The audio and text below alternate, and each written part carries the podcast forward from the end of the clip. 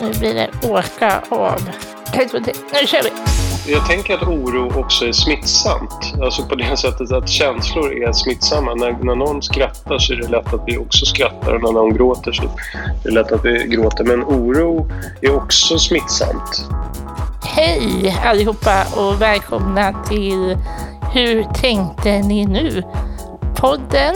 Vi kör en liten specialserie nu, Coronakarusellen, då vi snackar lite mer om hur läget är i mitt i krisens karusell. Carro är här som vanligt. Och Janna är här. Det här blir vår tredje. Um, hur är läget med dig Karo?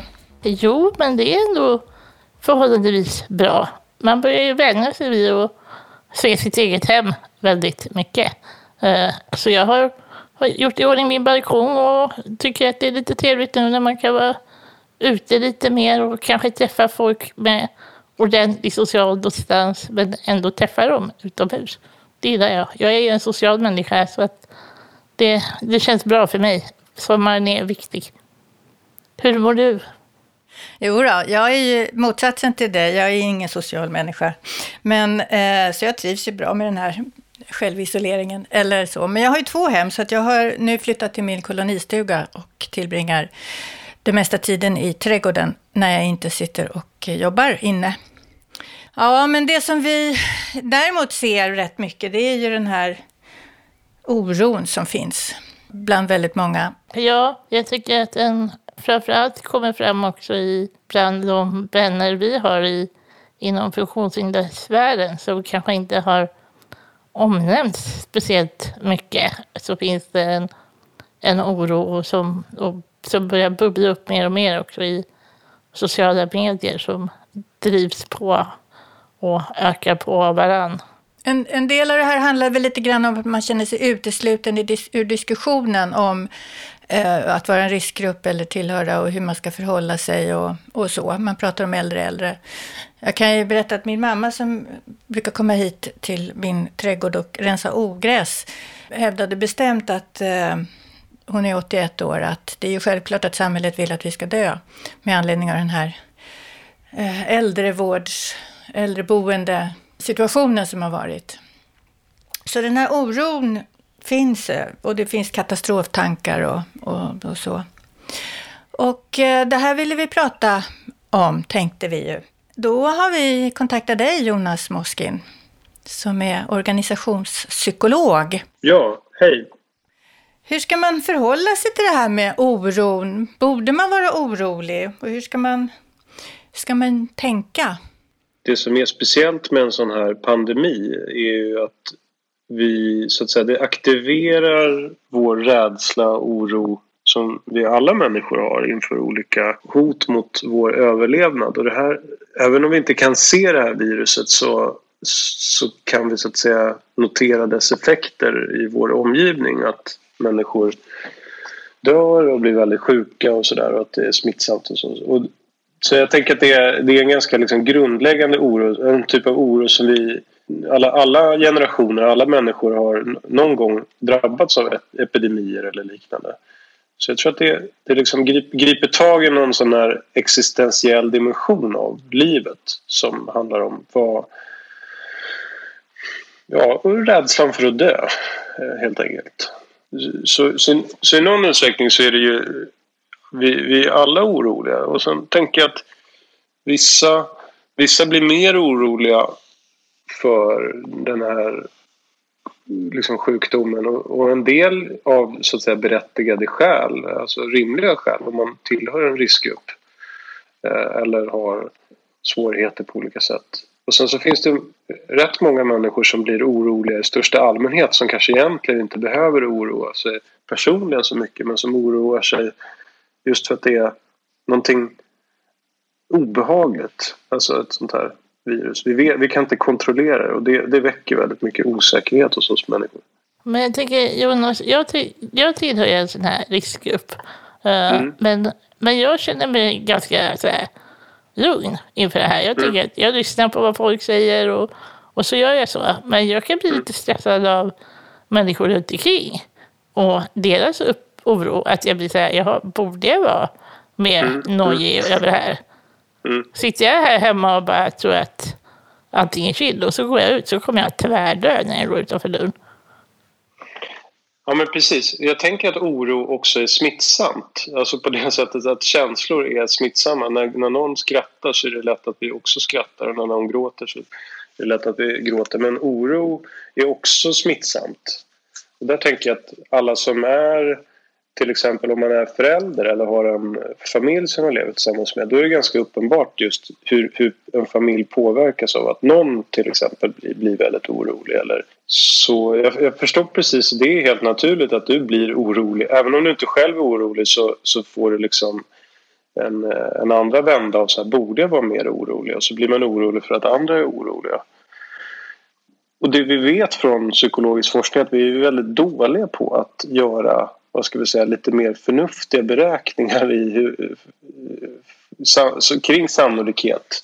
Alltså vi, vi är oftast oroliga för det som är på agendan liksom, i, i samhället eller i vår vardag. Men vi glömmer bort saker som vi kanske borde vara oroliga för. Så människor är rädda för att de ska få en istapp i huvudet men det är väldigt få människor som faktiskt har, har dött av en få en istapp i huvudet. Och det, det, blir, det blir vi rädda för när istapparna börjar breda ut sig. Kan man skapa en oro? Jag tänker nu, det skapas ju en hel del Facebookgrupper med människor som diskuterar liksom eh, hur, hur man ska förhålla sig till eller vad jag har varit med om och sådana saker. Och som, ja, som, det blir en väldigt intern diskussion. Mm. Kan den liksom spri, sprider det sig utanför och det man liksom diskuterar där och Alltså vi har pratat lite grann om att det kan bli liksom på, på gränsen till rättshaverister och, och lite sådana eh, tendenser. Både inom och i rörelsen men också utanför ser man ju att det finns en hel del sådana här grupper som eh, skapas. Och, som, och vad ligger det i? Är det, finns det ett behov av att liksom älta sin oro? Ja, i en kris så är vi en första liksom naturlig reaktion för oss är att vi vill ta reda på mer information. Och, och så väldigt många av oss blir liksom informationsinhämtare. Och sen så någonstans på vägen så, så är, går vissa liksom vidare och blir liksom, det finns egentligen ingen hejd på hur mycket information vi kan tänka oss att få utan vi blir bara mer och mer intresserade. Och där någonstans så tänker jag att också det här sociala utbytet som en Eh, grupp på nätet kan ha kan fylla den funktionen att vi får diskutera och liksom kommunicera kring de här frågorna. Men det finns som, som du säger en ganska stor risk också att grupper blir ganska liksom ensidiga i att det blir liksom en typ av sanning eller en typ av berättelse som, som diskuteras per bubbla liksom. Men jag tänker också, Jonas, för att uh, i det här så alla svaren har vi ju inte heller. Alltså, vi är ju någonstans mitt i den här geggamojan och, och, och, och gissar ju friskt ganska mm. mycket också. Så att det känns som att det finns en enorm efterfrågan på svar som inte går mm. att ge just nu. Och, och visshet är ju också en enorm orosfaktor för många. Ja men precis, jag tänker, och det är väl lite den där, det jag sa i början här, om den här existentiella dimensionen. Jag tänker att vi människor är, det vi, det vi tycker sämst om är osäkerhet. Eh, det, det, alltså vi kan nästan, vi tar hellre liksom en, eh, en förlust på 100 kronor än en möjlig förlust på säg mellan 50 och 200 kronor. Alltså vi, vi vill hellre ha, en säker eh, vi vill hellre veta liksom det, det, det dåliga. Eh, och jag tänker att den här pandemin har skapat jättemycket osäkerhet kring så väldigt många frågor. Så jag tror att ett svar på hur man kan hantera den är att försöka hitta en, någon typ av hållbar strategi för, för en själv. Alltså jag tänker oavsett om man tillhör en riskgrupp eller inte så måste man hitta något slags förhållningssätt som man känner är fungerar för mig och som kanske fungerar över lång, lite längre tid än säg någon, någon vecka eller två. Att det ska ju vara uthålligt för en. Så vissa risker kanske man måste vara beredd att ta för att ändå må bra. eh, och så får man fundera över hur, hur göra de riskerna så små som möjligt kopplat till, till de behoven man har. Du, du är ju förälder, eller hur? Om jag har uppfattat det hela rätt. Och då mm, är det väl ja. också det här med att, att, och du lever också i liksom någon slags eh, karantänssituation. Hur gör du i, i förhållande till den här, ja, hur är läget i det? Att mm. liksom hålla i ordning på sina ungar och vara liksom inte smitta och fixa och dona och sådana saker. Hur har du det? Ja, men jag har tre barn mellan fyra och tio år och eh, de, jag, jag, tycker ju, eftersom jag är psykolog så tycker jag att sånt här är så otroligt fascinerande och intressant. Så jag följer ju nyheter och läser väldigt mycket och så här, pratar om det mycket. Så de tyckte ju ganska snabbt att men pappa sluta prata om corona. Det är så tråkigt. Eh, så, alltså, de, de pratar om det i skolan och så pratar du om det också.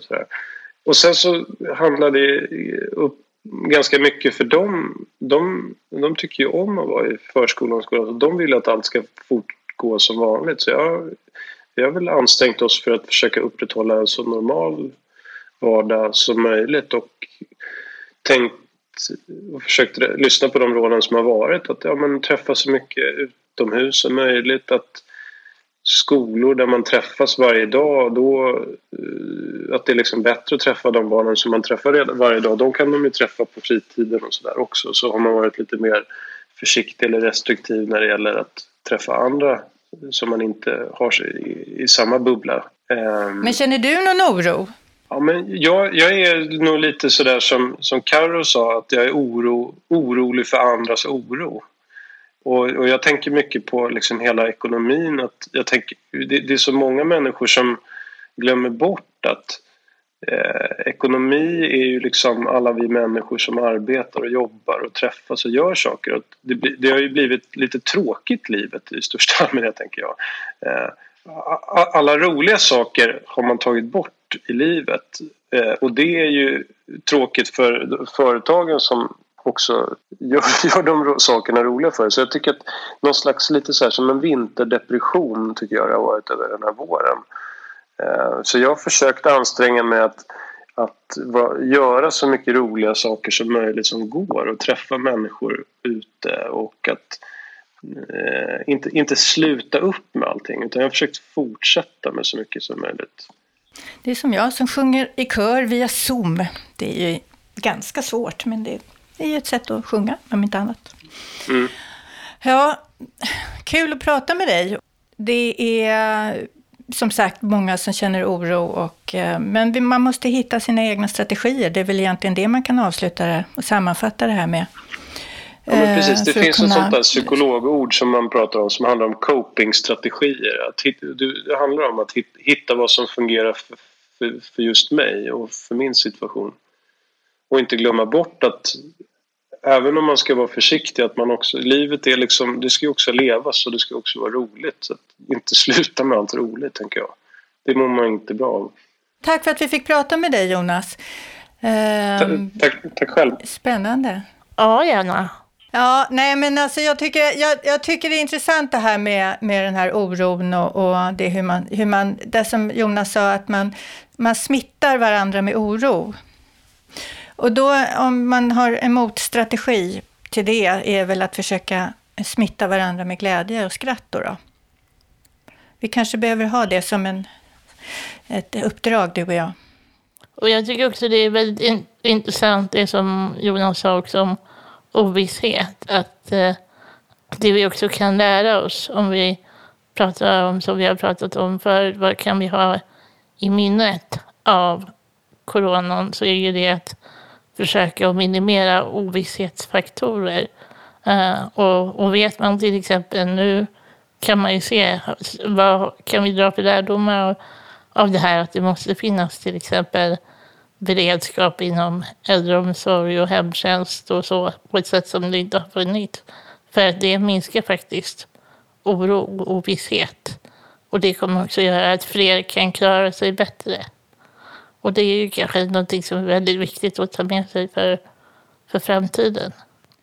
Vi kommer alltid, tror jag, det, jag menar, den här typen av katastrofer, det kanske blir en naturkatastrof nästa gång, det vet vi inte, men, eller det kan vi kanske säga att det är ganska säkert, eh, på ett eller annat sätt. Vi kanske inte har tillräckligt mycket rent vatten eller så, att vi kan dricka och allt sånt här, och då blir det ransonering och ja, vad vet vi? Den svåra ekonomiska krisen också, som Jonas var inne på, det kommer ju också sätta sina spår i ekonomiska möjligheter och arbetslöshet och så vidare.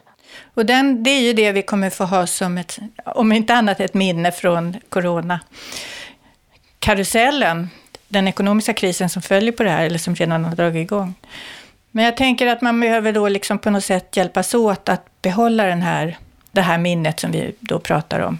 Både hur man ska agera tillsammans, men också vad det är för strategier man behöver bygga ihop och varför det inte har funkat i vissa sammanhang och så.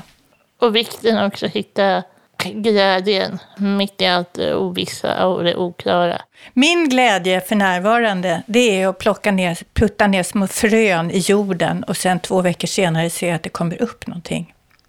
Det är min absolut största glädje för närvarande. Min glädje, det är faktiskt solen och värmen.